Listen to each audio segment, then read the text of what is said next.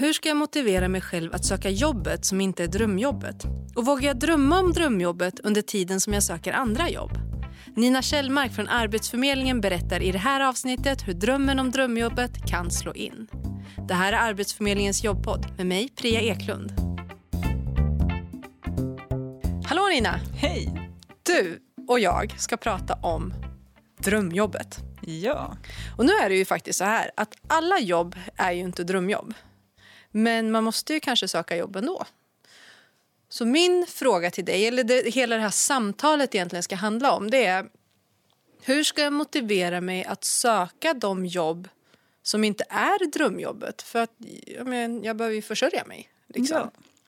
Jag förstår frågan, för att det kan kännas lite trist att söka igenom Platsbanken eller vad man nu kollar någonstans och bara okej, okay, jag måste söka de här jobben, de verkar jättetråkiga. Så det är ju inget bra utgångsläge när man söker jobb Nej, helt enkelt. Så precis som du är inne på så behöver man göra någonting åt sin situation. Och då tänker jag att man kan börja med att göra upp en plan och där man, då, man sätter upp drömjobbet liksom som slutmål i den här planen. Och sen kan man fundera på vilka steg man behöver göra för att komma till sitt drömjobb.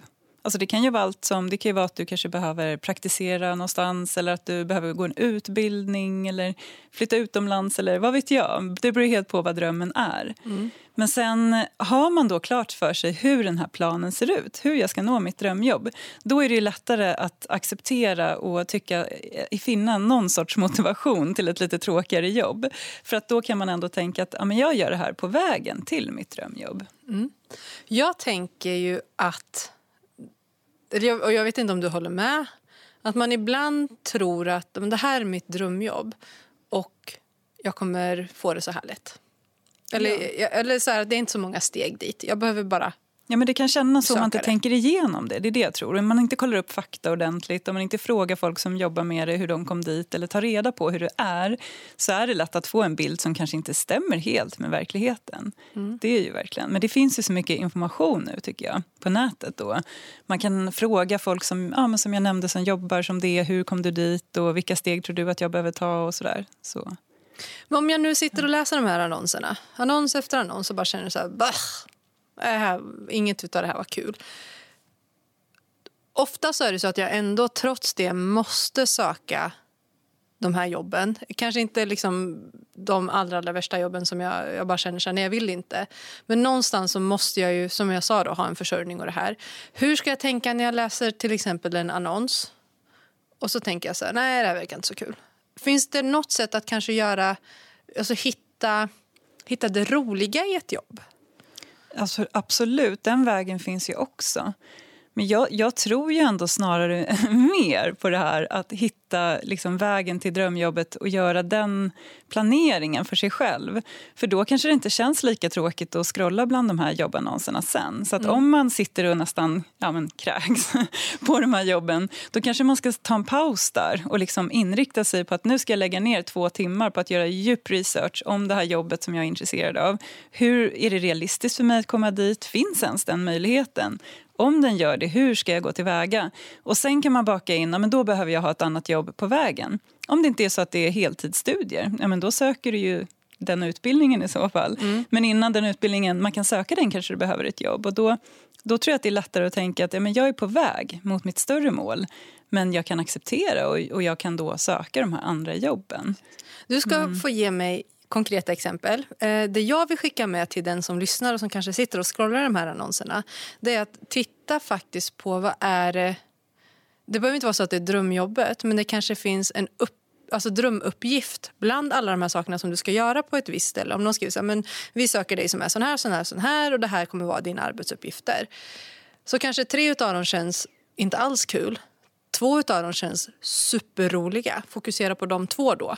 Och liksom för att någonting, det måste finnas någonting som ändå har gjort att du stannar upp och läser den här annonsen. Eh, att man försöker hitta det roliga i det som faktiskt står. Så att man inte bara säger ja men de här tre grejerna verkar ju skittråkiga. När det ändå finns kanske två, tre arbetsuppgifter till som faktiskt kan vara riktigt kul. För du vet ju inte sen när du väl är på plats och börjar jobba hur mycket av varje ska du göra. Lite så. Ja, men precis. Jag tror också att man kan göra så. Det är, det är en bra metod. Man kan också fundera på Alltså alla vill ju inte ha drömjobbet heller. Jag har ju hört människor säga att nej men jag vill inte ha ett drömjobb, jag vill ha ett jobb. Och då gäller det att fundera på varför man vill ha ett jobb. Vad är det man vill uppfylla med att få det här jobbet? Oftast är det ju kanske att man vill betala hyran och sen göra någonting som man ändå är ganska bra på, som funkar bra, som man inte mår dåligt av i så fall. Och då gäller det att hitta, alltså vad är det jag trivs med på ett jobb? Vad är viktigast för mig i ett jobb kanske man får tänka då? Är det roliga kollegor? Att jobba i ett team där man skojar och har kul tillsammans, men det kanske inte är så avancerade arbetsuppgifter?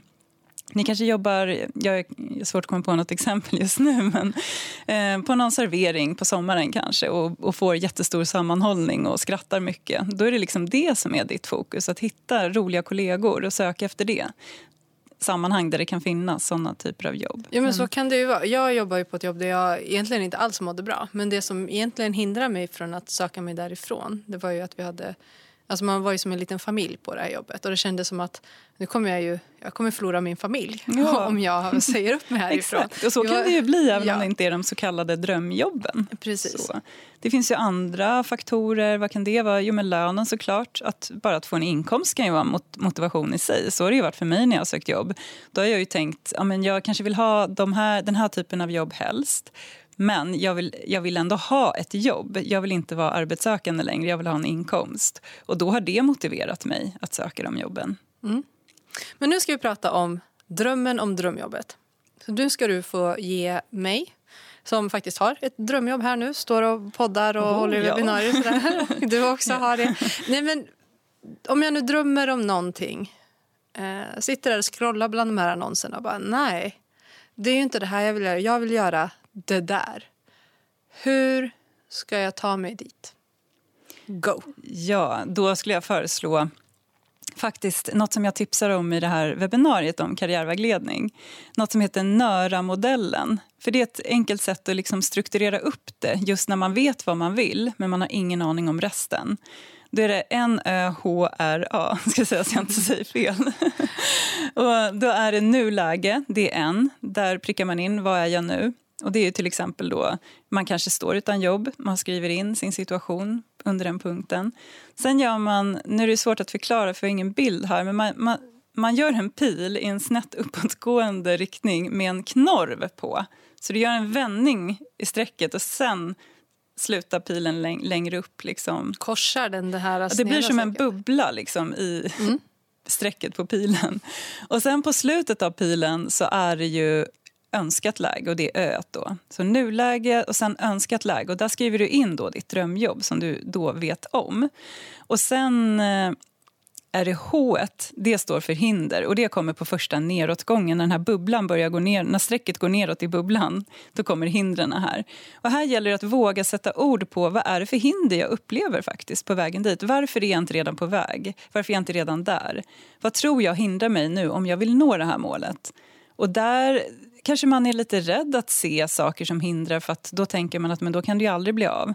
Men om du aldrig börjar titta på de här hindren så kommer du ju ändå aldrig nå målet. Så att, här vet inte jag, det kan ju vara ekonomi, familjesituation, det kan vara ja, alla möjliga saker som tynger ner. Kanske att man inte finner något stöd där man är just nu. Det finns ingen som stöttar en att ta det här klivet. Och, ja, att våga liksom rada upp alla typer av problem, faktiskt, hinder så har vi R då.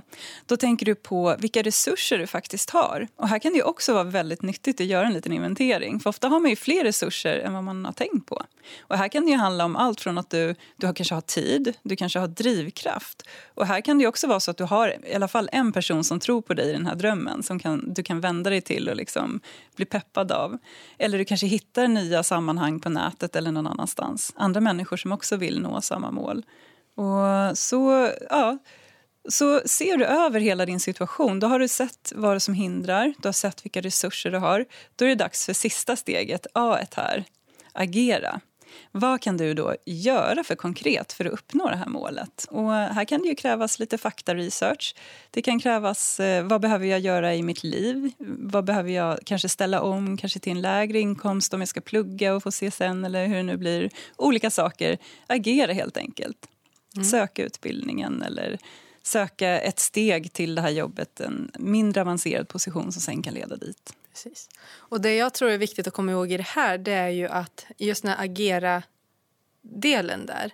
Att det inte bara är en sak kanske, utan det kan ju vara tio grejer du måste göra. Du kanske måste skaffa dig en fyraårig utbildning om det är så att du vill ha det här drömjobbet. Så där kanske man också behöver fråga sig själv hur gärna vill jag ha det här drömjobbet. Det kanske bara får vara en dröm. Ja. Förhoppningsvis behöver det inte vara det. Nej. Men då är också vad jag är beredd att offra. Ja, och det är det som är så bra, för då ser man det mer tydligt. Nej, men det är det här som det faktiskt krävs.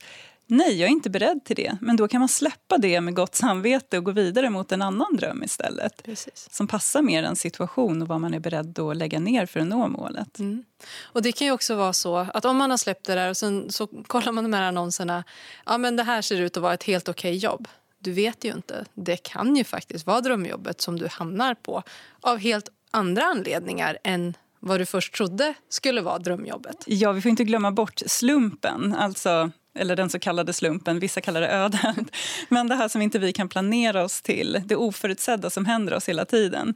Det är det som ja, men händer oss alla och som många säkert har sin berättelse till hur de, de kom till sina jobb. Det är ju sällan en plan som är helt så här, steg ett, två, tre, pang.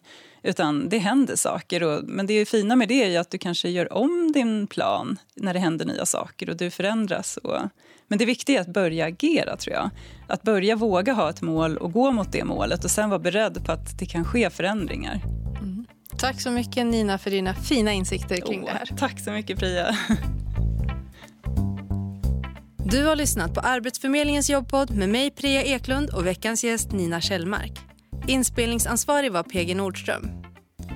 Hur är det att söka jobb med en funktionsvariation egentligen? Det berättar Sandra Ristic om nästa vecka. Har du tips, frågor eller funderingar? Mejla oss på podcast.arbetsförmedlingen.se. Vi hörs!